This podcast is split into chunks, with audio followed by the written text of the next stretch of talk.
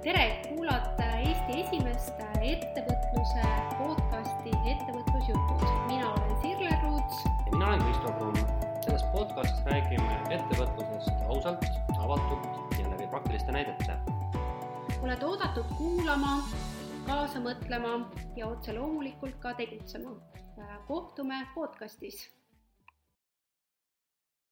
tere, kuulate Ettevõtlusjutte, mina Sirle ja Kristo tervitab ka siitpoolt.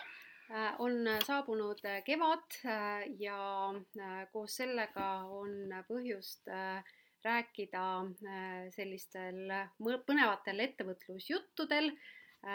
ja täna siis meil on teemaks muidugi viimased suured poliitilised muutused läbi ettevõtja pilgu ja arvamuse, ehk siis räägime siis lähtuvalt enda kogemusest ja muidugi Krista on meil ikkagi poliitikas suurem ekspert, ekspert kui mina. seega siis räägime koalitsioonileppest ja sellest mõjust ettevõtlusele. aga alustuseks siis, kuidas meil vahepeal on läinud, et kuidas sul, Kristo, on läinud? tervist minu poolt ka ma ei hakka ütlema igavalt, et teen, teen tööd ja möllan. mul on see, et, et ma vahepeal mõtlesin, vaata, ma siin sügisel rääkisin ka, et võiks nagu liikuda mingitele teistsugustele ettevõtlusradadele ja ma ju tegin kunagi MTÜ kõik endale, et hakata siin veel mingit niisugust huvitavat lähenemist ja business'i ajama. aga tead, kuidagi on nüüd niimoodi, et, et on tekkinud selliseid mingeid koostööprojekte koolituste osas, kus on praegu kolm niisugust uut koolitust väljatöötamisel noh, kas siis kellegagi koos nii või, või, või üldse ja siis kuidagi on sinna aur läinud, et ma ei ole nagu jah, ei ole koolitusreist väljas saanud, küll aga ühe mm, plaani ma olen saanud, hakkab saama realiseeruma. jälle vist ma meie podcast'is ka sellest rääkisin, et ma sügisel mm, võtsin endale niisuguse eesmärgi, et äh, tahaks õppida õpetama paremini. mul on ju see asi, ma ei tea, kuidas sinuga on, aga minul ju pedagoogilist haridust ei ole, sul ka vist ei ole? ei ole. no vot, nii et me nagu tulistame nagu niimoodi nagu ei tea kust, eks ole, teadmistega, et võiks alati öelda, et diletandid tulid siin rääkima. ja ma ei ole ju tegelikult ja ka sinagi ei ole ju vaata ülikoolis me õpetame, me ei ole ju kuskilt seda õpet saanud ja siis ma tunnetan seda sellega, et et kui on sellised, ütleme siuksed natuke soft imad teemad, ei ole niisugune raamatupidamine või, või, või, või ütleme, eelarve koostamine, siis on niisugune soft imad teemad ja näete see, et tahaks nagu ju kuidagi selle koolituse ja selle, eriti veel ülikoolis selle loengu teha huvitavaks ehk et õppida juurde uusi meetodeid või metoodikaid, ükskõik kuidas me nimetame. ja siis ma sügisest hakkasin siis niimoodi ringi vaatama ülikoolis, et mis siis pakkuda oleks. ma läksingi tegelikult seda teed pidi, et kuna ma teadsin, et need on kallid koolitused kõik, et ma ei hakka oma käe peal otsima, oma käe on lihtne. sa ju leiad, maksad, aga noh, seal on, ise tead, seal võib olla mitu tonni see asi. Ja ma mõtlesin, et ma kasutan ära seda ülikooli varianti, et siitpoolt toetatakse ka sellist asja ja, ja tulebki ju kogu aeg igasugu meile, et, et kandideerige, siis ma kak, kahte kohta olen kandideerinud, ühte kohta kandideerisin niimoodi, et oleks pidanud jaanuaris algama sihuke, ma ei mäletagi, et oli siis nagu läbi semestri, niisugune paarinädalane koolitus, et natukene koha peal, natuke kodus, sinna ma ei saanud, aga nüüd ma sain siis osalemisõiguse suvel enne jaanipäeva. ma siis sõidan kaheks nädalaks Sloveeniasse Bleedi, kus siis toimub mingi, kui ma nüüd õigesti mäletan, siis oli vist International Management Teaching Teachers Academy, midagi taolist. ühesõnaga, et siis nagu, siis nagu juhtimise või ettevõtluse või majanduse õppejõudude siis selline akadeemia. ja see on niisugune hästi levinud, ma tean, meie siit, meie kolleegid on seal käinud ja siis mul oli just eile oli Zoomi vestlus ühe selle projekti loojaga, ühe Hispaania professoriga, kes siis, kes siis nii-öelda nagu teeb intervjuusid enne osalemist, nii et ma nüüd lähen siis õppima õpetamist väga põnev, et seega siis, kas sul suvevaheaeg ikkagi tuleb? vot ongi, tegelikult on hirmus kiire, et praegu on niimoodi, et ma üritan nagu hambad ristis, et ma saaksin oma asjadega kuskil seal, no ma pean ikka päris, päriselt nagu mai lõpuks valmis saama, sest et ülikoolis on veel siin kaitsmised, eks ole. siis meil on veel mingisugune niisugune nagu enda osakonnaga on üks niisugune väljasõite asi ja siis kohe põhimõtteliselt ongi jah, minek. Noh, ma pean sinna veits varem kohale minema nagu ikka, eks ole, et ja, ja tagasitulek ka, nii et ma tulen päris nagu jaanipäeva ööl tagasi aga kaks nädalat, et see on nagu jah, et õppida niimoodi ja, ja noh, see üks asi on see, et sa käid siin, eks ole, oled kodus, aga teine asi. ma ei ole ausalt öeldes ammu niimoodi, ma ei, ei õppinud ammu ja ma ei ole ka niimoodi olnud niimoodi spetsiaalselt mingil õppereisil kuskil välismaal nii ammu, nii et, et saab olema huvitav ja kindlasti ka natukene noh, niisugune värin on sees, et, et seal pidi olema päris kõva koormus, kõvasti pidi olla lugemist ja iga õhtu pead midagi tegema ja siukest asja, et paistab siis. Äh, ma loodan, et sa siis jagad ka meie kuulajatele mõnda head äh, nippi, näiteks kui on koolitajad, et äh, mida siis peaks, mis on trendid õpetamisel on ju vot nii. mm. -hmm. Aga väga põnev. seega siis sa äh, teed tööd ja valmistud äh, suvereisiks nojah, ma praegu Jah. ikkagi jah, loodan, et siis pärast jaanipäeva hakkab minu puhkus, enne ei hakka jah. Mhm, jaa, noh, minul on äh, läinud äh, ka suht kiirelt. et ma siin just äh, ennem Kristole jagasin, et äh, mul tuli uus koduleht äh, hakkanettevõtjaks.ee-l laht- äh, välja, et äh, esimest korda ma siis hästi keskendusin disainile ja ma olen tegelikult seda võib-olla varasemalt natuke vähe tähtsustanud või ma ei ole noh, mõelnud, et see on nagu nii oluline, sest sisu ju alati loeb mõnes mõttes. ja ma ei ole ka ise võib-olla nii brändi lojaalne äh, olnud, et võib-olla seetõttu ma ka ei ole seda nii tähtsustanud, aga huvitaval kombel äh, siis peale nüüd seda äh, keskkonna uue disaini avaldamist äh, ma olen saanud äh, ettepanekuid podcasti salvestuseks, webinarideks, koolitusgrupid täituvad.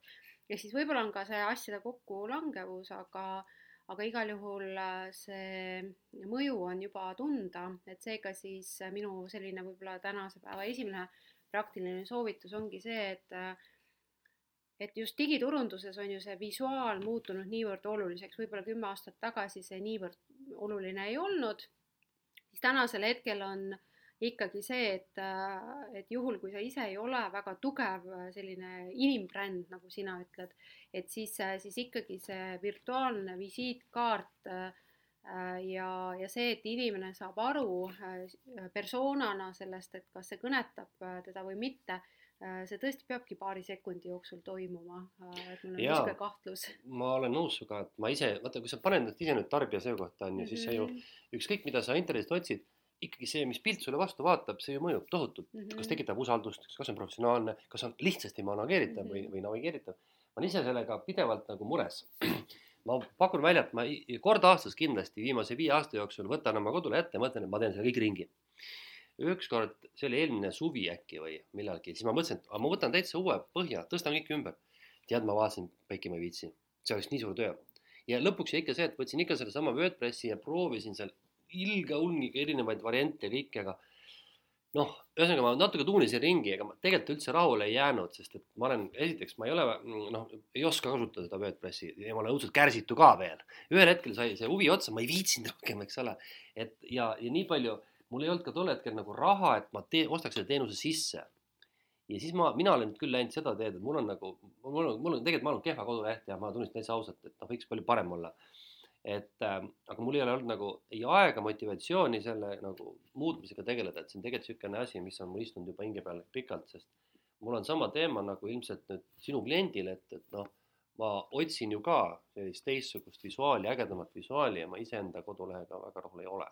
Mhm. okei vot nii. aga see ju sul müügitakistus praegu ei ole. ei ole olnud jah mm. -hmm. õnneks on leitud ülesse mm, -hmm. et Mhm. mul ikkagi tuleb palju neid koolitusi, kus on, paistab, et leitakse guugeldamise teel ülesse mm. -hmm mis on, mis on oluline, eks ole, sest et noh, seal on siis pigem see, et sa teed oma seda, noh, kuidas me ütleme siis seda, mis asi see nüüd on, see, kuidas see niimoodi on, see noh, see seo või mis ta nimi on, eks ole, Mhm. mul ei tule meelde see nimi, et kui sa seo-d õigesti teed, siis, siis noh, leiab ka koledalt kodulehelt midagi ülesse.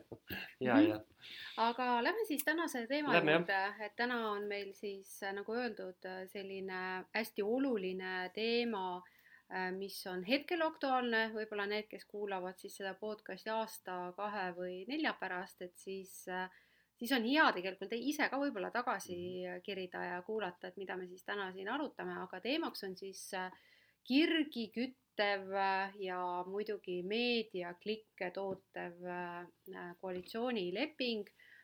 Ja täna me räägime siis just läbi enda arvamuse ettevõtja seisukohast, et kuidas see ettevõtlusele mõjub, kuidas meie ise selles olukorras nüüd tegutseme ja mis siis üldse tulevik toob, et kas siis tulevik on tõesti nii tume ja me vaesume äh, väga kiiresti või, või tegelikult on natukene meedia äh, selle vindi päris tõsiselt üle äh, keeranud, et aga muidugi meil on siin harukordne võimalus, et Kristo on ju tegelikult poliitikaga sina peal, et seega ma annan sõna kohe Kristole, äh, kes siis äh, loodetavasti võtab tänase vestluse sellise võib-olla suurema fookuse või juhtimise enda peale äh, ja, ja muidugi me teeme arutelu siin, aga aga jah, et, et mina pigem võib-olla olen täpselt samas rollis nagu teie kuulajad, aga Kristo teab seda poliitika tausta ja seda majandustausta natuke rohkem. nii et räägi, mis sind, mis tundeid sind siis äh, või sulle tekitas, kui sa siis avasid meedia ja lugesid, et meil on siis nüüd maksutõus ähm,? ja kui ma nüüd otse vastaks, siis selle kohta võib alati tsiteerida juba teisi, kes on öeldud, et enamus, ega siis maksutõus ei meeldi kellelegi äh,. aga siin tuleb nüüd siis nüüd minna natuke poliitika kujundamisse ja öelda siis seda, et äh, miks äh, see tekitas äh, nii palju kirgi, siis see kirgi tekitas sellepärast, et noh, esiteks nagu ikka poliitikas on ju selline komme, et sa lood lubadused ja siis selle eest antakse mandaat, noh, eks ole, noh ja siis nüüd väidetavalt eh, ei olnud nagu sellistele lubadustele mandaati antud, mis siis nüüd tuli. aga tegelikult, kui ma nüüd jätan selle kõrvale, see lubadusteema, siis, siis eh, kui me vaatame seda majanduspoliitikat, mida läbi siis riigi noh, nende uue koalitsioonilepingu ja läbi hilisemate sammude siis hakatakse ellu viima, siis see, mida nüüd eh, siis tänane valitsus, uus valitsus hakkab tegema, on siis see, et, et noh, olukord on lihtne või selge, raha on puudu, kulutused on kõrged ja mis ilmselt ikkagi välja tuli, et majanduskasv jäi ootustele alla ja liiga suur auk on sees, laenu võtta juurde ei soovita ja seega siis on variant, et tuleb hakata seda auku täitma nii kärbete kui ka maksutõusudega, mis on alati üks kindel poliitiline tööriist. sa täidad auke maksudega, see on väga selge. Ja see on igihaljast ammusest ajast, nii palju kui on riigid toiminud normaalsel moel, et ongi see, kui sul jääb, nii-öelda öeldakse, kui eelarve defitsiiti, siis on kaks varianti seda täita, laenuga või siis äh, maksutõusuga. Nüüd, äh, milles on siis nagu see vastasuba, on see, et, et äh, EKRE on selle poole nagu eestkõneleja. Ehk et Martin Helme isikus, kes siis pooldab seda nii-öelda, kuidas on siis kontramajandus või vastumajandus, ehk tema eeldab seda, et võtame laenu juurde, investeerime, tekitame majanduskasvu ja sealt tuleb siis see nii-öelda sihuke, et, mitte me ei tõmba koomale ja ei hakka rohkem maksustama, vaid vastupidi, uhame veel rohkem raha sisse, et sealt tekiks see efekt, eks selle kohta on nagu see on kõige parem, kui kuulaja ei saa aru, mismoodi see töötab, siis, siis äh, Kreeka, kui oli väga suurtes võlgades, siis äh, tuli üks, noh, see, see sai niisuguse tohutu nagu hukkamõistva äh, nagu sellise kriitika, aga selle ütlus oli väga suur uba sees, nimelt Kreeka vend ütles, et mingi tüüp ütles, et teate, andke meile raha, me ehitame vormel ühe raja. kõik on loll, et miks, aga sellega me hakkame raha teenima, et teile raha tagasi maksta. et vot see on ka nüüd näide, see on selline, et see nagu kontrasuunaline vastumajandus, et sa nagu ei, mitte ei hakka veel kokku tõmbama ja veel rohkem säästma, vaid vastupidi, sa uhad veel rohkem raha juurde, et, et, et tekitada majanduskasv, mis siis võiks selle nii-öelda selle augu täita ja veel võimaldada ka laenu tagasi maksta. Et noh, siin on nagu näha natukese ikkagi seda maailmavaatelist võitlust ka. ja tegelikult, kui nüüd öelda, küsidagi, et, et kumbat nagu pooldada, eks ole, et kas poolda nagu maksutõusude kontrapoolt, siis noh, ei, ei, mina ütleks ausalt, ei ole õiget ega valet ei olegi, see tähendab seda, et kui edukalt keegi õnnestub, kui sa õnnestud maksutõusudega ja saad sealt majanduse käima, siis on see tubli. kui sa õnnestud selle kontraga, on tubli, kui sa mõlemaga õnnestud, see, see, siin ei ole õiget ega vale lahendust, ütlen mina, see on pigem maailmavaate küsimus, jah. nii et, et mul jääb, mul jäi üle, et noh, tegelikult selles mõttes tõdeda, et probleem on, et eelarve on miinuses ja seda mitte keegi ei eita, küsimus on selles vahendis, ma kuulan sind, et äh, ja ma hakkasin mõtlema näiteks ettevõtluse seisukohalt, et näiteks mina ettevõtjana tahan kasvada, on ju, siis mul on ka või noh, müügitulu suurendada, ütleme niimoodi, et siis mul on kaks võimalust, kas tõsta hinda, äh, müüa olemasolevale kliendile kallimalt. ehk võtta neilt raha rohkem ära. just, või siis tõesti teha mingi investeering, nagu näiteks ma praegu tegin siis oma veebikeskkonda, et jõuda rohkemate klientideni, et mõnes mõttes, et see investeering tooks mulle rohkem tulu mitte olemasolevatelt klientidelt, vaid ka uutelt klientidelt, et selles mõttes ka ettevõtluses on mõlemad lahendused täiesti okei. Okay.. aga mis ma hakkasin mõtlema siin, et Äh, ma ise pooldaks, kuigi ma ise ei ole EKRE valija, aga ma pooldan rohkem seda investeeringute teemat tegelikult, et see on rohkem tegelikult, ma arvan, jätkusuutlikum tegelikult pikas perspektiivis, aga äh, ma, mul tekib nagu küsimus see, et Eesti on niivõrd väike riik ja ta tegelikult ju majanduskasv või langus äh, on sõltuv tegelikult sellest, mis välisriikides toimub ja rahvusvaheliselt, et ta võib siia seda laenuraha äh, noh, suunata nii palju investeeringutesse kui tahes, aga, aga ma kardan, et tänu sellele, et lihtsalt on tegu niivõrd äh, väikese ja teiste majandusest sõltuva riigiga, siis ei aitaks. Ja meie tundlikkus on tõesti suur ja me sõltume veel vähestes riikidest ainult ju, me sõltume Soomest, Rootsist ja ongi kõik mm. -hmm. et kui nendel läheb halvasti, läheb meil halvasti, et meil on nagu tundlikkus on tohutult suur ja kuna Vene turg on täitsa ära, siis on meie jaoks tegelikult tohutu turg kadunud, eks ole mm. -hmm. ja tõesti, me oleme hästi mõjutatav majandus ja, ja noh, see nüüd see, see, seesama laenamine, no ütleme, see, see, ma hüppan tagasi korraks, sinu mõte on väga õige, et ettevõtjana sul on tegelikult mõlemad võimalused viisipidi, kusjuures ähm, noh, sa võid ka nii-öelda orgaaniliselt kasvada, eks ole, et sa lihtsalt üritad rohkem toota, uusi turgusid võita ilma nii-öelda investeeringuteta, eks ole, see on, see on siis natuke seda, mida nüüd riik üritab teha Äh, aga ettevõtluses sa mingil hetkel äh, äh, ei pääse investeeringutest mm, -hmm. sest et vaata, su maht jääb samaks alati, eks ole. nüüd riigi puhul võib-olla see päris nii ei ole, et, et riigi puhul me noh, tegelikult ju saaksime ka ilma, ütleme, laenuta ja ilma võib-olla nii suurte investeeringute hakkama, kui me midagi ümber korraldaksime, noh näiteks ütleme, et võtaks kasutusele maavarad. see on üks teema, millest mitte keegi ei taha rääkida peaaegu. ja, ja see on üks tabuteema.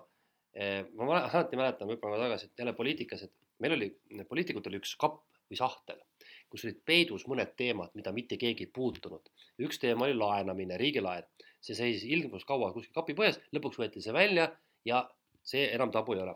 siis oli, teine oli eh, noh, astme tulumaks on teine niisugune tabuteema, sellega on mängitud natuke, kolmas on üldse maksumuudatus on tabuteema ja neljas on kindlasti maavarad. noh, tuumaelektrijaam oli ka üks asi, ehk et kõik need asjad olid kuskil sahtlis ja mõned olid hästi kaugele peidud, mõned lähemale. Ja nüüd on niimoodi, et vot on mingid teemad, mida kas siis veel ei juleta või võetakse niimoodi ettevaatlikult välja, aga ütleme, et noh, toome sihuke näite riigi tasandilt, et tõesti riigi tasandil on see, et sa võtad laenu, sa näiteks ütleme noh, eks ole, paned, panustad selle mingisse infraehitusse, nagu alati öeldakse, või sa võid ka tegelikult näiteks äh, tõesti siis, eks ole, teha niimoodi, et sa võtad selle investeeringu, sa investeerid, ütleme näiteks mingisugusesse maavara mingisse kaevandamisse või kasutusse ja sealt hakkab tulema see tulu siis, eks ole ju, et, et riigi tasandil ütleme, et noh, sa võid lihtsalt uhada seda laenu selleks, et ehitada mingi uus tee, aga sa võid teha seda laenu ka niipidi, et sa tõesti tekitad mingi pikema vooru. Ja see on nüüd see vot see, kui sa nüüd noh, toome näite, et sa ehitad näiteks ütleme, mina olen öelnud tihti asi, Eesti riiklane ehitab tuumajaama, võtab laenu, ehitab tuumajaama, müüb elektrit teiste riikidele, noh, see on niisugune nagu ettevõtja käitumine. Ja riik võib niimoodi teha vabalt, eks ole.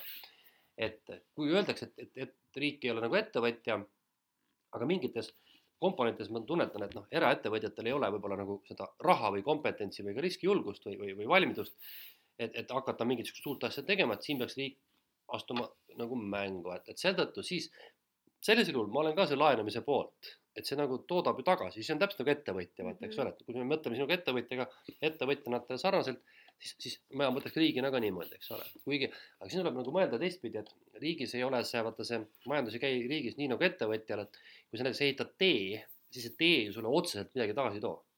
ta toob sulle kaudset majanduslikku kasu ja no loomulikult ta toodab ka siis sellise asja, et noh, et raha läheb siis ju, eks ole, ettevõtjale, ettevõtja maksud, sealt tulevad järgmised maksud, et ta noh, lõpuks jõuab küll riigieelarvesse tagasi ja siis mitmekordselt jõuab tagasi. aga ühel hetkel saab see raha otsa.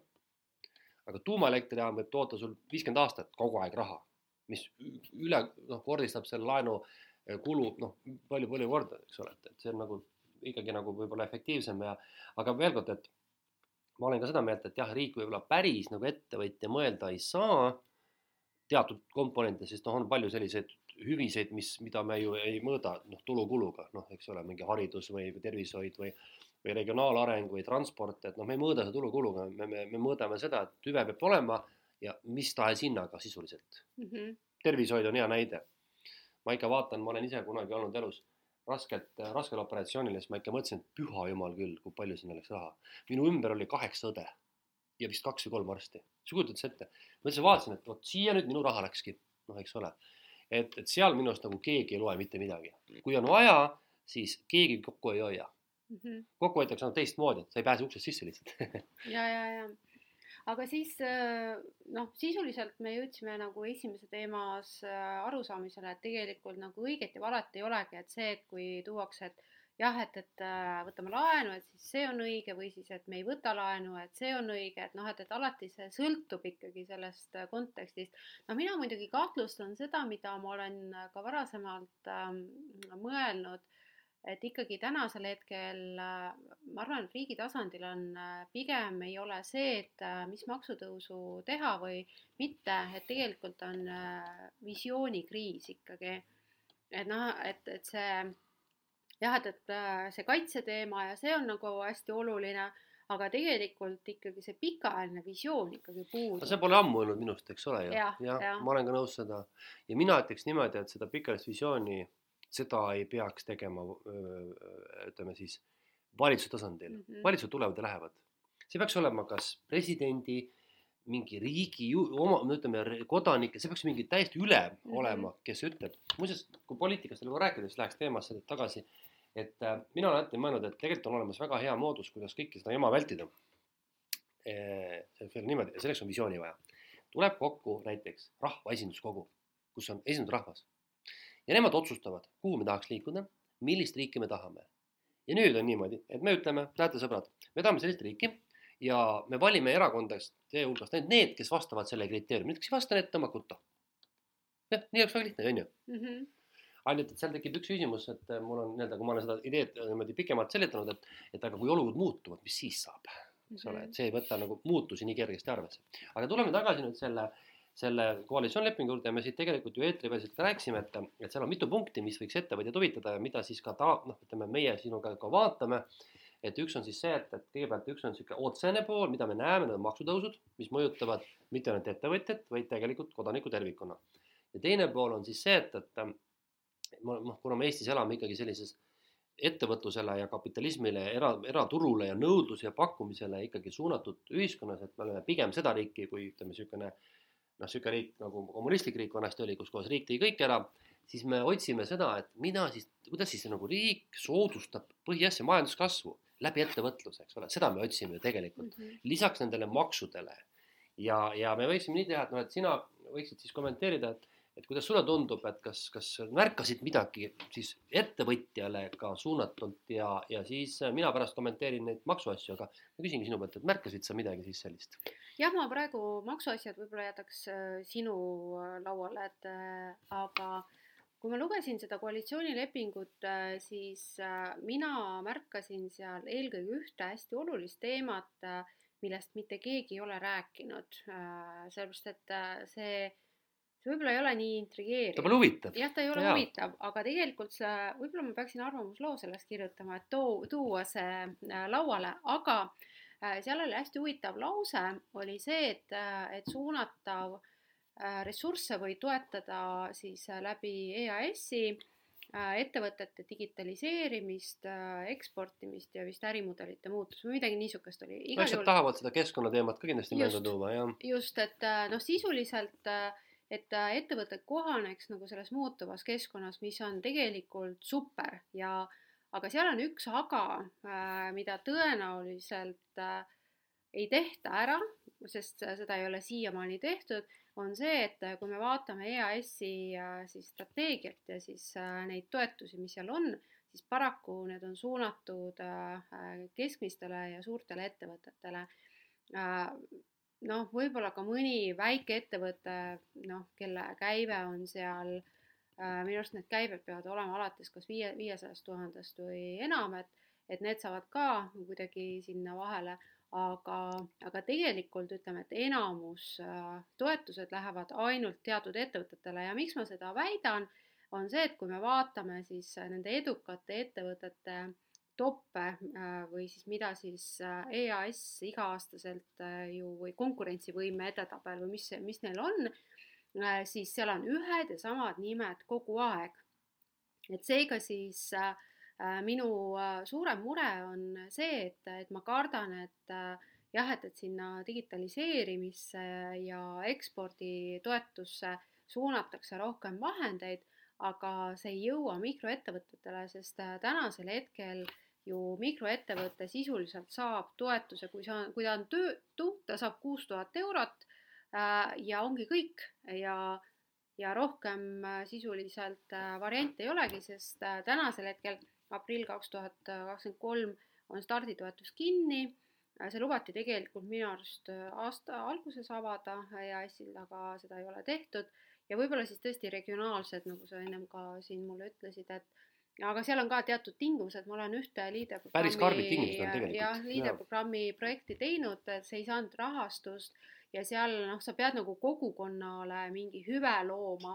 Äh, et ta ei ole selline võib-olla tradi-, noh, täis sada protsenti traditsiooniline selline tavaettevõtluse äh, projekt, et noh, sisuliselt äh, seda noh, väikeettevõtlust ei toetata, nad põhjendavad seda sellega, et toetame läbi konsultatsioonide läbi mentorluse äh,, aga noh, see teadmiste andmine, see on ainult üks ressurss, aeg, raha, inimesed, vahendid et seal on väga palju, mida on tegelikult ettevõtjal vaja ja, ja seega noh, ma loodan, et äkki siis see koalitsioonileping toob vahendeid, reaalseid vahendeid ka väike- või mikroettevõtetele, sest kui me räägime ikkagi mikroettevõtete digitaliseerimise tasemest, siis on sisuliselt alla igasuguse arvestuse ja sellega Eesti selline tava mikroettevõte ei ole tegelikult konkurentsivõimeline. Seal on veel see, see, see sinu juttu toetab see näide, kui iga aasta toimub vaata see turismiettevõtete toetusvoor, siis see on esimese viie sekundiga on see kõik täis mm -hmm. märgitud. ja seal on ju puhtalt sellised noh, tegelikult ju turismitalud on seal, mhm. ega siis ütleme, palju selles ütleme, suur hotell, palju need, nende osakaal seal on, tegelikult ta võikski olla suunatud sellistele ongi niisugune noh, ütleme, et perekonnaettevõtetele, eks ole, mis on mingid mhm. turismitalud ja mingid pisikesed sellised muud sellised asutused. jah, et see on, see on selgelt, ma olen sinuga nõus, et, et see on probleem et sellest nõustamisest üksi ei piisa. Et meil on ikkagi vaja, vaja ka reaalselt tuua mängu seal igasuguseid muid, muid äh, toetusi ja noh, siiamaani ma saan aru, et noh, see starditoetus on ikkagi olnud üsna nagu levinud ja popp, eks ole.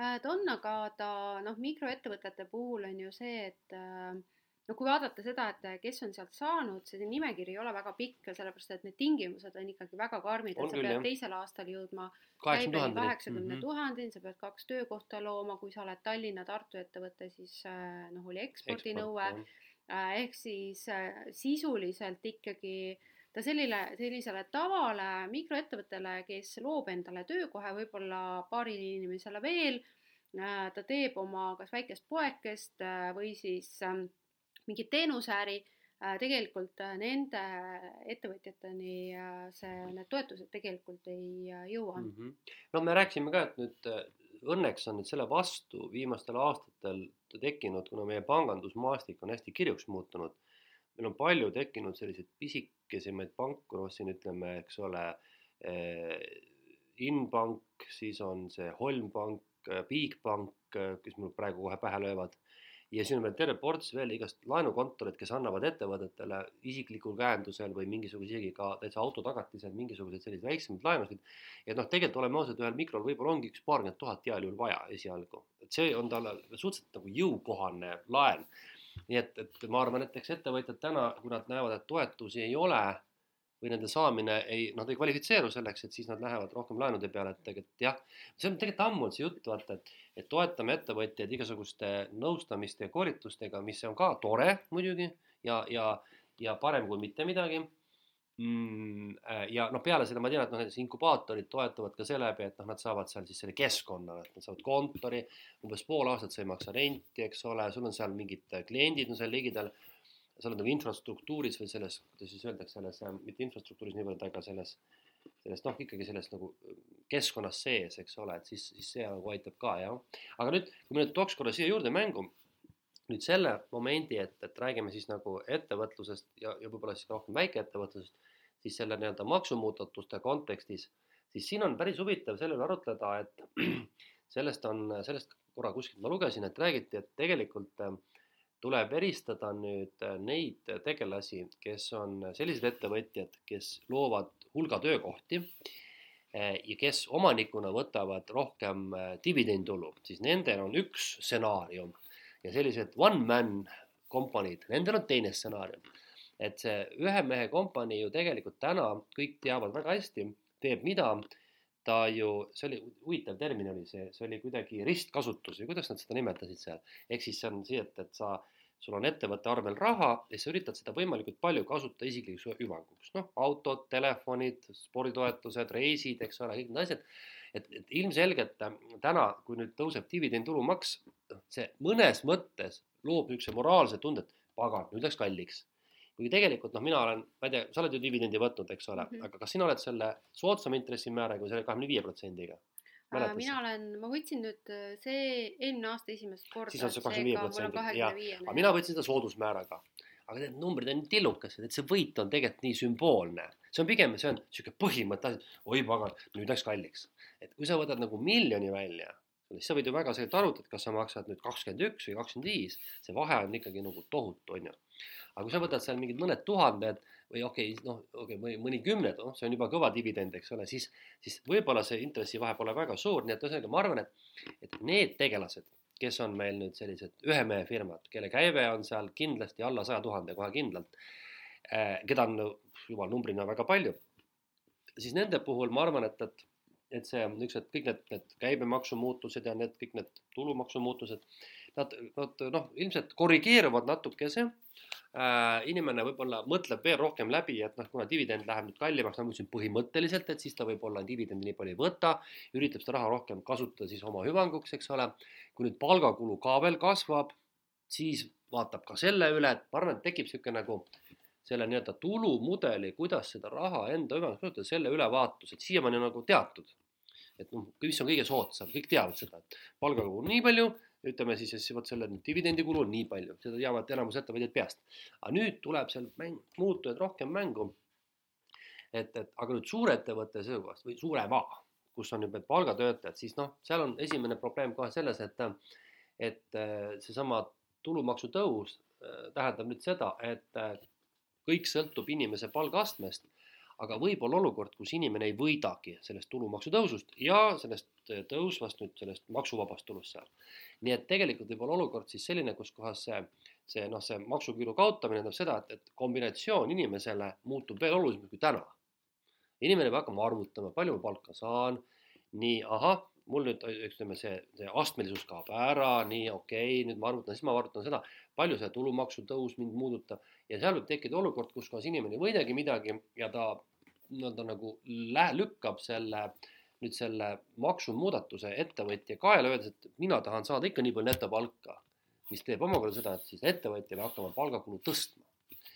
ja siis me rääkisime ka sinuga seda, et mis see käibemaks meil teeb, eks ole, siis see teeb ka veel kallimaks, nii et ühesõnaga, tegelikult võib nüüd olla olukord, et või noh, mitte ei või, vaid tekibki olukord, kus kõik läheb kallimaks, õnneks ta ei lähe küll paugust, eks ole.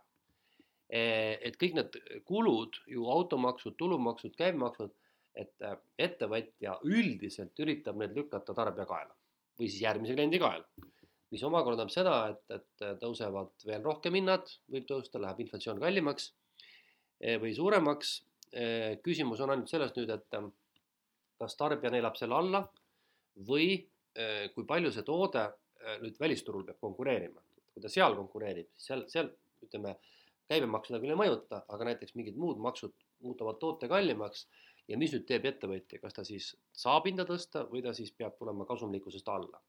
nii et noh, siin neid, neid mängumaid tekib, et vaata alati, kui selline eriti niisugune kobarmuutus toimub, siis sa pead üle vaatama kogu oma tulu-kulu ja selle kasumimudeli aga siinkohal jällegi saavad pihta mikroettevõtted minu hinnangul, sellepärast et äh, mikroettevõtetel sageli, äh, ma ei taha nüüd äh, kõiki ühte patta panna, aga tulukulu mudel on natuke ikkagi kõhutunde. kõhutunde pealt ikka jah. ja seega siis võib-olla ennem ei saagi aru, kui tühjad pihud on, ehk siis sisuliselt justkui noh, ei taha ka kliendile liiga teha, aga enda rahakott õheneb ja ei teagi, kuskohast see nüüd hakkab õhenema, et tegelikult on vaata, mis asi, ma olen selle peale pidevalt mõelnud, et äh, meil on äh,, me peame nagu alati mõtestama seda ettevõtluse muudatusi või neid, neid maksumuudatusi ettevõtluse kontekstis, noh näitame, toome lihtsa näite. Äh,, miinimumpalk. Ja sealt ka ütleme siis paralleelselt maksuvaba tulu. et kui kogu aeg räägitakse miinimumpalgast, siis kui nüüd, kui kujutad, kujutaksid praegu ette, et miinimumpalk oleks kohustuslik. mis sa kujutad ette, mis juhtuks siis hmm.? noh, et, et kõik, et sa ei saa allapoole jah, sa ei tohi maksta allapoole, pead maksma, iga no, hinna eest sa pead maksma. ütleme, ütleme niimoodi, kui iga hinna eest äh, peaks maksma, siis äh, päris suur hulk äh, mikroettevõtteid kaoks turult täpselt õige, ma tahtsin ka öelda mm, -hmm. see tohutu parv kaob ju ära mm. -hmm. nii et tegelikult ma alati pean mõtestama, et kui räägitakse miinimumpalgast, siis ma teen kohe peas mõttelt niimoodi läheb kaheks. ühed on tavalised ettevõtted teised on need ühe mehe ettevõtted, kes ei maksa endale isegi mitte miinimumi, sest nad lihtsalt ei suuda seda maksta, eks ole, neil ongi nii mm. pisikene, noh, kas on hobiäri, noh nagu sinu lemmikteema on see palgatöö kõrvalt, eks ole. et, et täpselt, sa võid ju teha palgatöö kõrvalt ja sa teedki oma ettevõtet ja kujuta ette, kui sul tekib selline kohustus, sa paned selle kinni, selle poe, eks ole. nii et noh, tegelikult me peame ka arvestama, et, et kuna inimene saab täna ettevõtja saab ju maksta endale ka nii-öelda poole kohaga tööd, eks ole, siis ta saab vähem maksta. ja kui tal on see sotsmaks, noh, tasutud, siis tal võib-olla noh, ta ei maksagi seda, seda, seda nii-öelda palka täis. nii et noh, see on, see on tegelikult, ma pean alati öelda, et see miinimumpalga tõus on väga trikiga asi, me peame eristama ühe seltskonna kohe sealt, kellel see üldse ei kehti mm.. ehk see tähendab nüüd seda, et äh, riik ei saa ju, vähemalt praegu ei saa, ma loodan, et ta ei tee seda jõuga sundida näiteks ütleme meiesugused ühe mehe ettevõtteid maksma sellist palka mis tähendab omakorda seda, et need, kes peavad maksma, moodustavad kogu ettevõtlusest ainult mingi osa.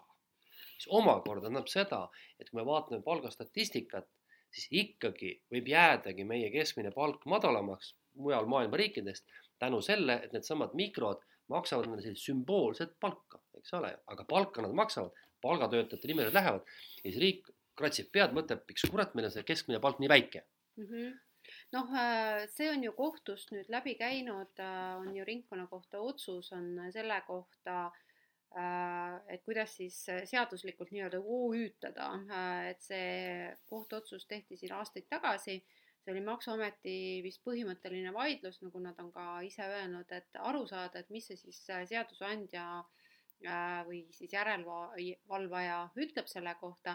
Ja ja seal siis selles kohtuotsuses on tegelikult kirjas äh, see, et, äh, et jah, et, et riik äh, ei saa tegelikult sundida mm, siis teatud suuruses palka ei maksma. et, et see on ettevõtlusvabaduse piiramine, aga juhul, kui siis ettevõtte tegevus on kasumlik ja ettevõttes on näha, et, et see, et see tulu saab teenitud, seal on vaja teha tööd äh, reaalselt, äh, et siis, et siis sisuliselt riik saab seda noh, nagu seada rangeks soovituseks, et, et see palk makstakse, aga, aga noh, et, et see, see suurus jah, on pigem selline äh, nagu soovituslik. jah, no nad on öelnud niimoodi, et mina olen lugenud sellist enda, enda kodulehelt sellist selgitust, et et kui on tulu -hmm. siis mhm. keegi peab selle tekitama mm -hmm. ja see keegi peab palka saama. ja nüüd on küsimus, et äh, milline see palk olema, siis seal tulevad mängu muidugi ka kriteeriumid, et kui on ettevõte väga väike, siis ta ei saa maksta mm -hmm. palju. aga kui ettevõttel on ruumi, siis on Maksuamet öelnud niimoodi, et näiteks kui, kui ettevõtja küsib minu käest, et millist palka peaks maksma siis ma ütlen niimoodi, et, unusta ära miinimumpalk, unusta ära keskmine palk, need ei ole mingid näitajad, vaid tegelikult vastus on selline. sa pead maksma sellist palka iseendale, mida sa küsiks sama töö eest teises ettevõttes. Aga nüüd tuleb kohe mängu, et me tahaks sinuga viis tonni saada, eks ole, aga oma ettevõttes me ei maksaks kunagi viite tonni palka, on ju niimoodi. nii et noh, see päriselt niimoodi ei kehti aga jah, see on, see ongi tegelikult, see on väga nagu niisugune nööri peal käimine natukene, eks ole, eriti kui need palgad on niisugused väikesed. aga ma tahan just öelda seda, et, et, et riigi soov inimesi palgavaesusest välja venitada äh,, siin tuleb alati arvesse võtta seda, et, et suur hulk inimesi, kes nii-öelda palka saavad, jutumärkides, on ju tegelikult iseendale tööandjad ja nemad mõtlevad hoopis teistmoodi.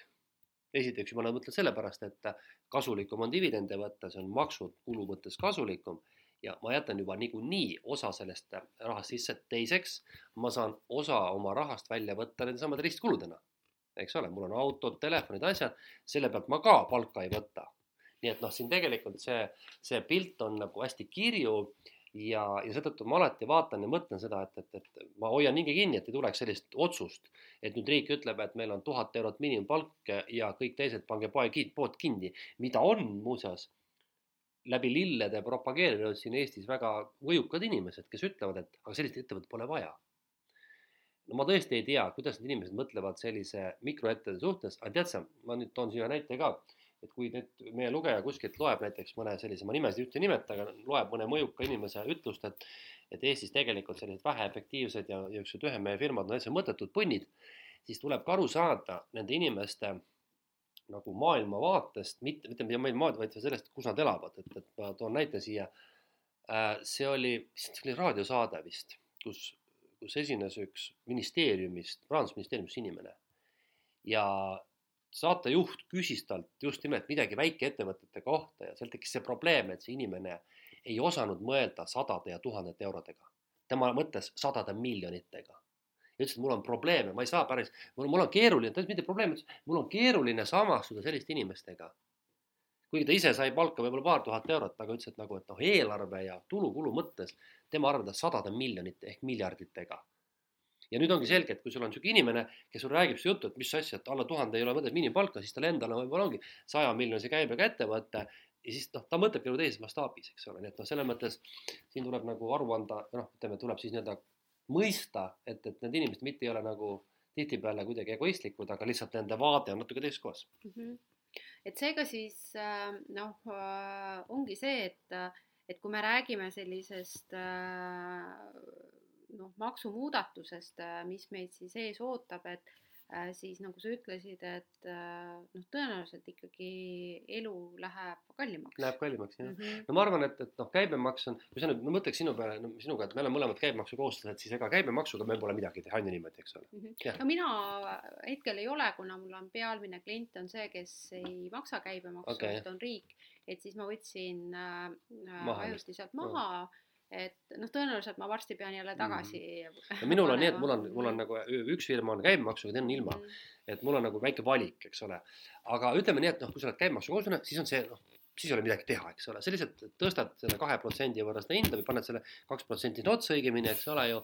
ja, ja noh, tulemus on nullis sinu jaoks, eks ole ma, aga tegelikult on kaval küsimus ja, ja võib-olla see tulumaksuga nimelt, noh, sa saad selle öelda, selle palgasüsteemi teada, seal saad mängida, noh, kui me räägime iseenda tööd, iseendale mm -hmm. nagu palgatööks olemisest või ütleme, niisugune perefirma näiteks, oletame, et me sinuga näiteks oleme nüüd ütleme üks seltskond, üks pere, me teeme siis oma firma, siis noh, küll me saame kokkuleppele, aga nüüd tuleb see kuradi automaks mängu.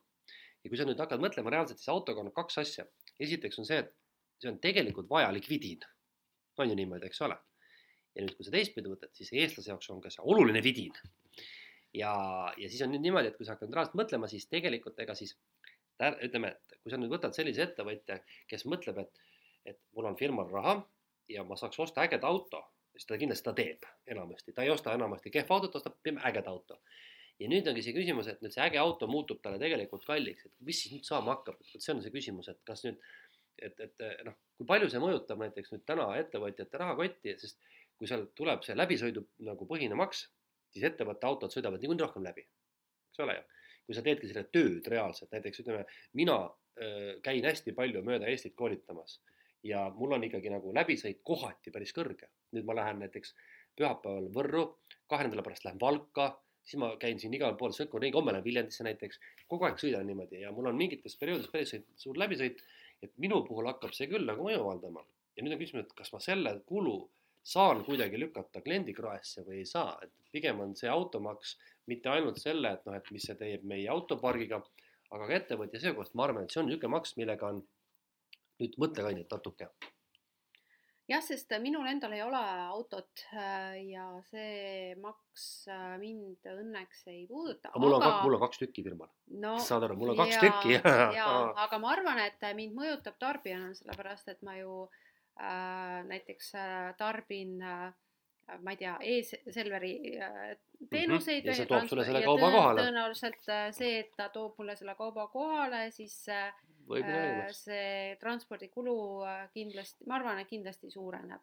jah, see võib minna kallimaks. ja juba käibemaksu mõttes mm -hmm. ta kindlasti mm -hmm. läheb mulle kallimaks Äh, või siis näiteks, et kui ma sõidan taksoga, siis kindlasti ma, mina maksan selle kinni, et, äh, et see taksojuht peab ta, ta. ja noh, meil on ju, eks ole, Bolti ja Citybee autod, rendiautod mm, -hmm. mis siis ilmselt ka ju lähevad nüüd selle võrra kallimaks, eks mm -hmm. ole, et vähemalt mm -hmm. see noh, ei, ei tea ju, kuidas see makse hakkab olema aga noh, reaalsus on see, et kui see tuleb läbisõidupõhine, siis need Bolti autod sõidavad ju palju läbi mm. -hmm. ja see peab ka ju kuidagi seal nüüd hinnas kajastama. et see on kindlasti üks osa jah, et aga ma küsin huvi pärast sinu käest, et et, et kuidas sa nagu üldse mõtled nagu laiemalt, eh, kas sinul on kodaniku ja ettevõtjana seda niisugust vastutustunnet riigi ees, et, et makse tuleb maksta ja palju maksta või rohkem pigem maksta, kuidas sul see tunnetus on? Äh, mina olen pigem äh, ikkagi seda meelt, et äh, et kui ma elan selles keskkonnas ja see on noh, minu valik siin elada, tänapäeval ju noh, on teinekord võimalus valida, kus keskkonnas elada aga mõtlen enda seisukohalt on see, et minul ei ole probleeme makse maksta ja mind tegelikult natukene äh, natuke jah, ma ei taha öelda, et jätab külmaks, aga minul vererõhk ei tõusnud maksumuudat-, muudatuste peale. Äh, ma tean, et minu jah, igakuine kulu tõuseb, äh, ma olen mitmeid aastaid teinud oma isiklikku eelarvestamist ja ma arvutasin välja, et see on umbes seal, ütleme, tänasel hetkel hinnanguliselt umbes ütleme kolmkümmend kuni viiskümmend eurot.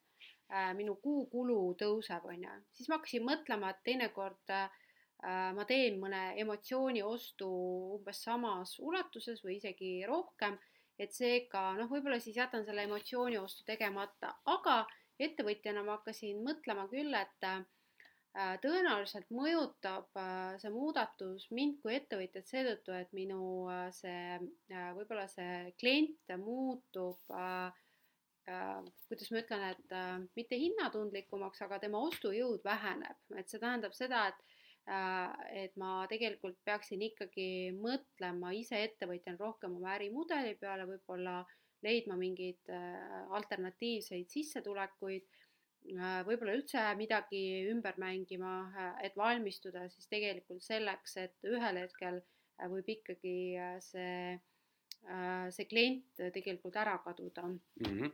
nojah, see, ma arvan, et see oht on, on, seda hirmu on paljudel mm, -hmm. et kui mhm. ikkagi kaup ja teenus on hinnatundlik, vaata, ja mis veelgi tähtsam, kui on võimalik sellest loobuda lihtsalt või leida asenduskaup mm, -hmm. siis on nagu kindlasti üks variante, mida tehakse et äh, mina muuseas tegin selle, see, no siin oli ju mingi kalkulaator, et vaata, palju sa nüüd siis palka saad või ei saa. ja noh, tegelikult on seal ju see trikk, et see kõik ju toimub alles kahe aasta pärast umbes, et see on praegu niisugune tunnetuslik, aga kui ma praegu tegin selle arvutuse, siis mina muuseas võitsin üle saja euro kuus juurde. Mm.. see tähendab seda, et kui nüüd automaks tuleb, siis ma arvan, et sellega ma kataks selle ära nii et noh, ütleme, kui ma käibemaksu tuleb, siis seda on nii raske hinnata, sest vaata, ma ei tea ju, mhm. palju ma tarbin, eks ole, noh. ma tean, palju ma tarbin, aga nagu sa ütled, vahest on emotsiooni vastu ka, sest on nii raske ette planeerida, aga kui sul on näiteks auto ja sa tead näiteks automaksu, seda saad ju planeerida, on ju niimoodi. Ja noh, üldiselt ka sissetulekut ma ju laias laastus tean, kuude lõikes see varieerub, aga aasta suhtes mul on enam-vähem teada. Juba pikki aastaid see küll kasvab tasapisi, aga mitte nüüd meeletult, eks ole, et, et äh, tegelikult ma isegi ütleks, et viimased paar aastat on minu aastatulu eraisikuna ja ettevõttena summaarselt umbes samad mm.. ta on liikunud mm. nii, et vahel on üks suurem, vahel teine suurem, aga ta on summaarselt sama. nii et aga, aga jah, et, et ma praegu tegin niisuguse arvutuse, et minul ka üldse ei, ei, ma, ma, see on kuidagi nagu sihuke, et noh, et, et aga mis ma siis nüüd teen, eks ole, noh.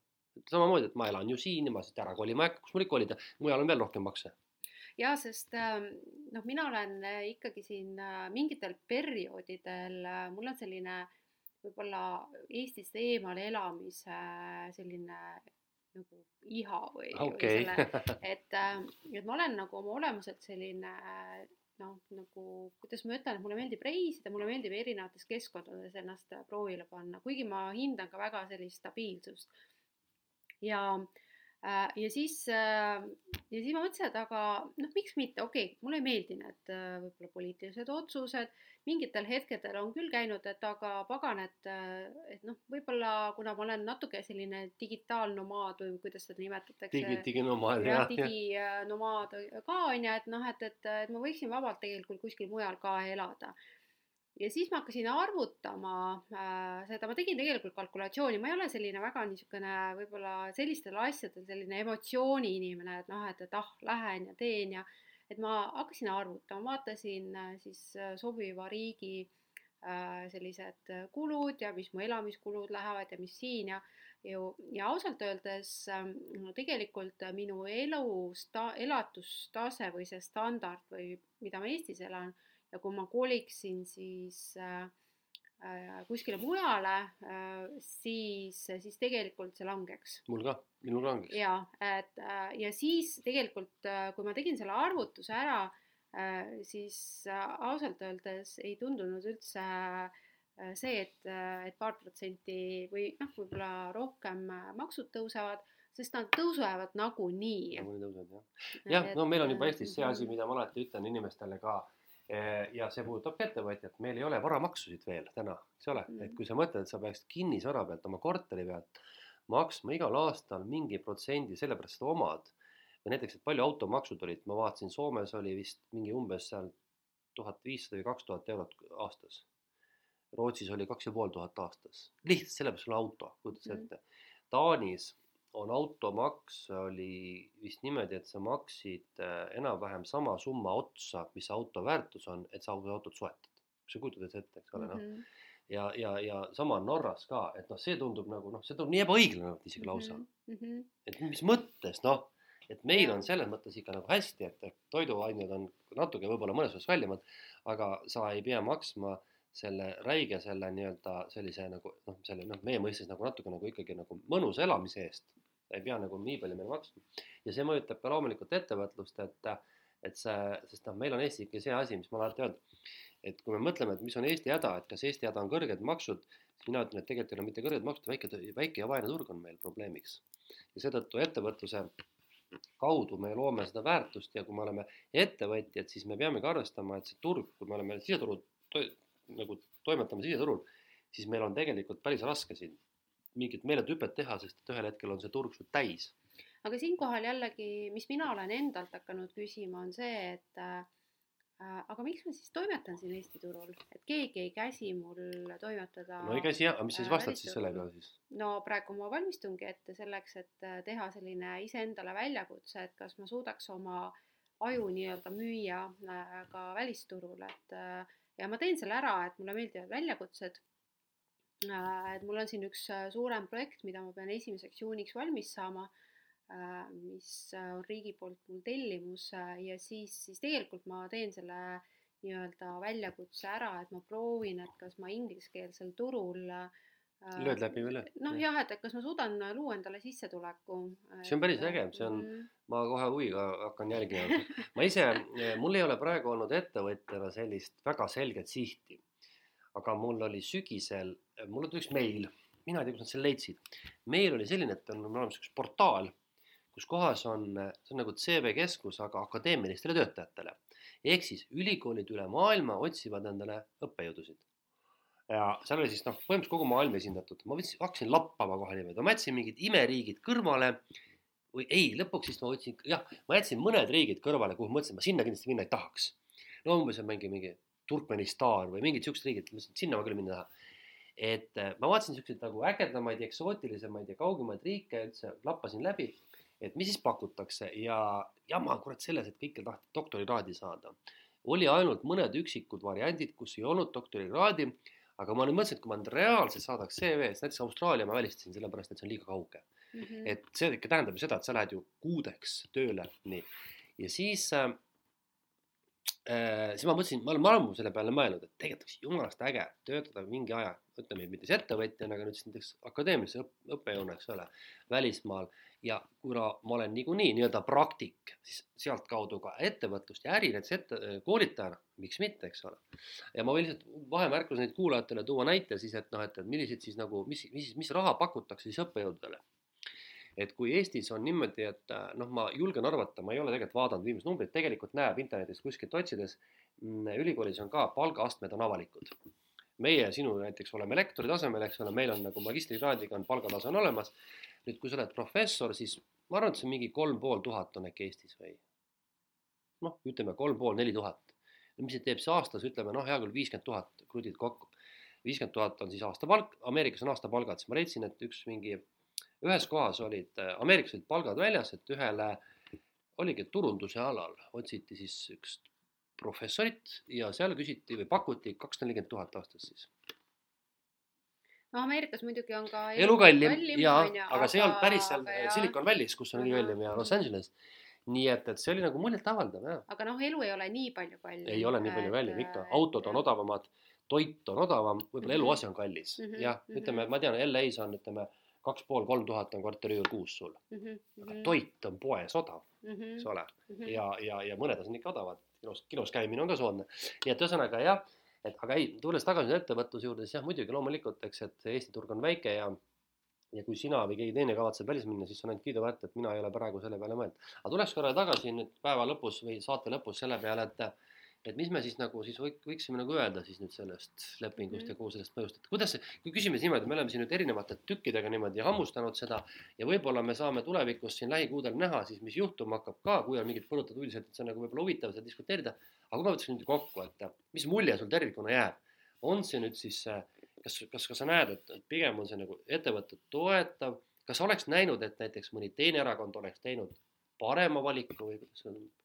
Ma ei oska öelda, ma ei ole võib-olla nii poliitikaga kursis äh,. ehk siis minu jaoks tegelikult see kombinatsioon sobib, et äh, ma, ma selles osas mingit muud valikut väga ei oleks äh, näinud äh,. aga Äh, nüüd äh, väga palju tegelikult äh, sõltub ikkagi sellest, et kas reaalselt ka midagi ära tehakse, et noh, maksumuudatus on üks asi ainult. see on lihtne teha. ja, ja seda on väga lihtne teha, aga strateegiliselt maksu, maksu või hinnamuudatust suudab ka iga ettevõtja, kes ei tea ettevõtlust midagi teha, on ju aga kas suudetakse strateegiliselt ka riiki juhtida, et eks seda siis järgmised neli aastat äh, näitab, äh, noh, üks asi, üks teema, mis võib-olla mulle veel jäi seal silma, äh, mida sisuliselt peaks tegelikult muutma, oli, oli see, et, äh, et suunata nagu Töötukassale, Töötukassal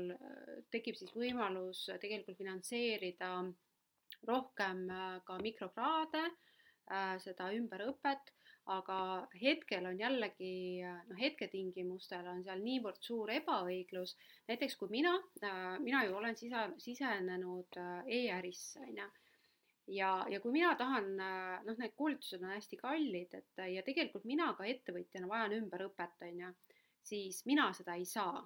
Et ma pean olema töötuna kirjas, on küll tööta ja õpi, aga seal, seal on teatud piirangud et võib, võib-olla tõesti ma nagu saaks, aga nii palju, kui ma olen vaadanud neid näiteks äh, huvi pärast neid noh, IT-koolitusi, sest see on praegu ümberõppe väga suur osa, siis seal on kõik äh, kirjas, et, et sa pead olema tegelikult töötu.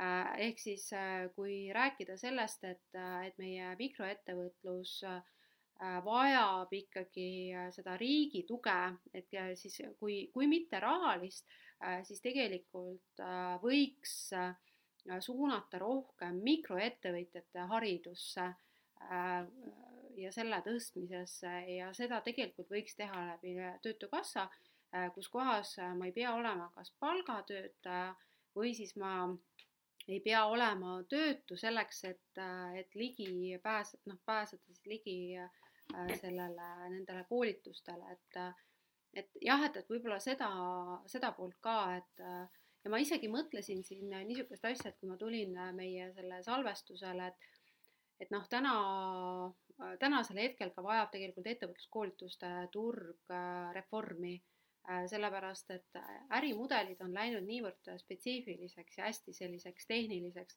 et see, et kui tehakse ettevõtluskoolitus, mis justkui koolitab nagu üks koolitus kõiki Äh, siis äh, noh, ma arvan, et sellest äh, ei piisa, et pigem ma näen seda, et, et võib-olla on suunatud ettevõtluskoolitust, ma ei tea e, e-kaubanduse valdkonda, ettevõtluskoolitust tootmisettevõtetesse ja et tekiks nagu selline võib-olla natukene rohkem kitsam see ja praktilisem see koolitusturg on ju see on päris huvitav lähenemine, ma ei ole niimoodi mõelnudki muuseas, jah mm. -hmm, sest äh, tänasel hetkel ikkagi sellised äh, laiapõhjalised asjad, noh, mõnes mõttes võiks ju öelda, et see ettevõtluskoolitus on justkui see, et ma võtan nüüd sada kuuskümmend tundi ja siis noh, ma tean oma valdkonnas kõike, ei tea, sa tead nagu üldisi ettevõtluse põhimõtteid, aga tegelikult seda, et kuidas siis minu valdkonnas näiteks äri käib, seda, seda sa tegelikult ei õpi mm, -hmm. et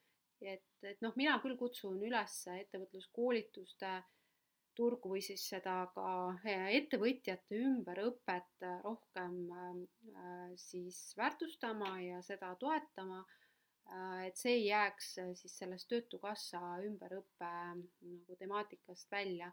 ja ma tõesti vabandan, kui ma nüüd tõesti noh, arvasin valesti, et ettevõtjad nüüd ei saa ümberõpet teha aga, aga noh, minuni on jõudnud neid, et, et, et on keeldutud. okei okay. mm, -hmm. no mina ütleks niimoodi, et kuna noh, võtaks niimoodi kokku, et, et me ei jõua rääkida praegu ja see on nii palju pikk teema sellest, et, et, et kuidas üldse peaks riik ettevõtlust soosima, et kas ta peaks nagu rohkem vabadust, vähem vabadust, kas peaks olema siin mingid, ma ei tea, toetama ekspordiga, koolitustega, kas peaks, ütleme näiteks olema mingid veel maksumuudatusi, soodustused, see on nagu hästi palju niisugune filosoofiline teema, et meil oli eesmärk täna natukene tagasi peegelda seda, mis siis need uued maksumuudatused teevad. mina ütleks niimoodi, et rahu, rahu, rahunege kõik maha, kes praegu muretsevad, sellepärast et eh, need muudatused täna eh, ei ole noh, midagi sellist, mis oleks ainult ettevõtjaid piiravad, vaid need on ikkagi kõiki mõjutavad. omaette küsimus on nüüd, et siin turismisektor on tagajalgadel, et umbes, et nende käibemaksu erisus kaotatakse, et kas see nüüd on nagu nii määrav või mitte, kah ei oska öelda. Eh, tegelikult on meil veel mõned maksud, mida me võiksime rakendada, näiteks täiesti vabalt võiks rakendada turismimaksu. siin on räägitud iga inimese pealt mingi paar eurot, mis teeb tegelikult väga vähe raha. Eh, ja, ja, ja inimene ei pane seda tähelegi, aga sellest saaks võib-olla jälle midagi ära teha, et noh, et pigem võib-olla siuksed maksud mida me saame kuskilt kellegi kolmanda käest küsida, oleks tihtipeale palju lihtsamad rakendada ja võib-olla noh, see mõju oleks palju väiksem, aga tunne on alati selline, et keegi alati kisab, kui miskit muutub. ja mina olen vahel tahtnud küsida, et aga mis on see lahendus? et, et nüüd on, meil on tekkinud, kui vanasti meil seda nagu laenu teemat üldse nagu laual ei olnud, siis on vastupidi, on tekkinud mingi megaseltskond, kes õudselt propageerivad laenu, ma lugesin just enne sinu tulekut, Tõnis Palts ütles, et meil on väidetavalt on kümme või kakskümmend miljardit on praegu laual võtta veel laenu et võtame aga ja tagasi maksma kunagi ei pea. et no Tõnis, kulla mees, et sa oled võib-olla jube kõva ettevõtja, aga see jutt ei pela kohe mitte kuidagi, me peame selle tagasi maksma. mis siis, et selle raha väärtus väheneb, see on reaalne number, see on reaalne kulu ja see on jumal rumal jutt, et me ei pea tagasi maksma, et see on nagu mingi, see on see, et, et siis me, siis me lihtsalt ei maksa aga kuluna me maksame selle tagasi. see nüüd inflatsioon nüüd nii ka ei ole, et me nüüd umbes, et ühel hetkel seda raha ei ole järgi. me ei võta siin kolm viiskümmend, kui me räägime kümnest miljardist, siis kümme miljardit ei kao raha aja väärtusega ära, eks ole ju, ei kao. et, et kui me võtame reaalselt, siis viimase kümne aasta Eesti skp on kasvanud seal võib-olla mingi noh, viie-seitsme miljardi võrra, eks ole ju aga, aga kulud on samamoodi kasvanud, et see nüüd päris nii ei ole, et me nüüd rikastume niimoodi, et see laenu tagasimaksmine meil nagu nohu. et meil on tekkinud nagu tohutu selline nagu see laenufännide seltskond, kui enne ei julgenud mitte keegi võtta. ilmselt tõdemus on kuskil vahepeal jah. no mina keskendun noh, kogu selles maksudebatis äh, sellele, et, et noh, et kuidas mina saan oma elukvaliteeti noh, pigem kas suurendada, äh, et mida mina peaksin või saaksin teha, siis äh, mina ikkagi keskendun äh, sellele, et ma pean nagu kohanema.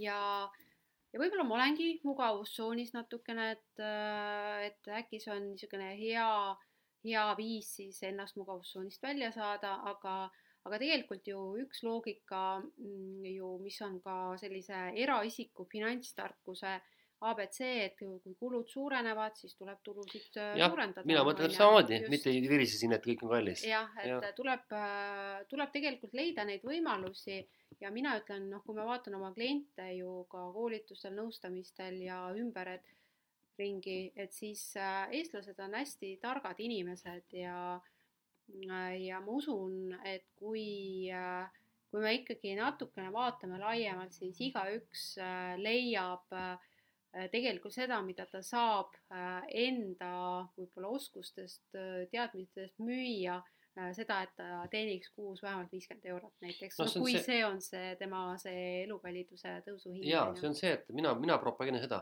et ärme räägi palgast, räägime sissetulekust mm. -hmm. õpetame inimesele mõtet sissetulek, mille üks komponent on ainult palk. Mhm, just, jah, aga noh, see on, tundub, et see on tegelikult natuke süüdiäär kõrbes, sest et me ikkagi, palgatöötaja on nagu püha inimene ja palk on tema püha asi ja mis sa siin tuled rääkima mingist ettevõtlusest, ära seleta. peab olema kõrge palk, inimene tuleb palga toime, peab saama töötada neli päeva nädalas, rohkem ei töötama ja kõik peab väga elu olema. noh, aga kui ei ole, siis on süüdi keegi teine, eks ole, mitte inimene ise, noh, nii ei saa ju võtta asja. Mhm. okei okay., aga siis äh, oleme selliste lõbusate positiivsete nootidega No, jah. äh, jõudnud äh, lõpule, et mina küll sain päris mitu mõtet siit tänasest arutelust ja, ja veelgi rohkem inspiratsiooni olla eeskujuks siis oma elukvaliteedi siis pigem kasvamisega või kasvatamisega kõigile teistele ka. Ja vaatame, kuhu me siis äh, liigume, on ju, just, aga järgmiste ettevõtlusjuttudeni siis. jah, ja kõik head minu poolt ka, olge tublid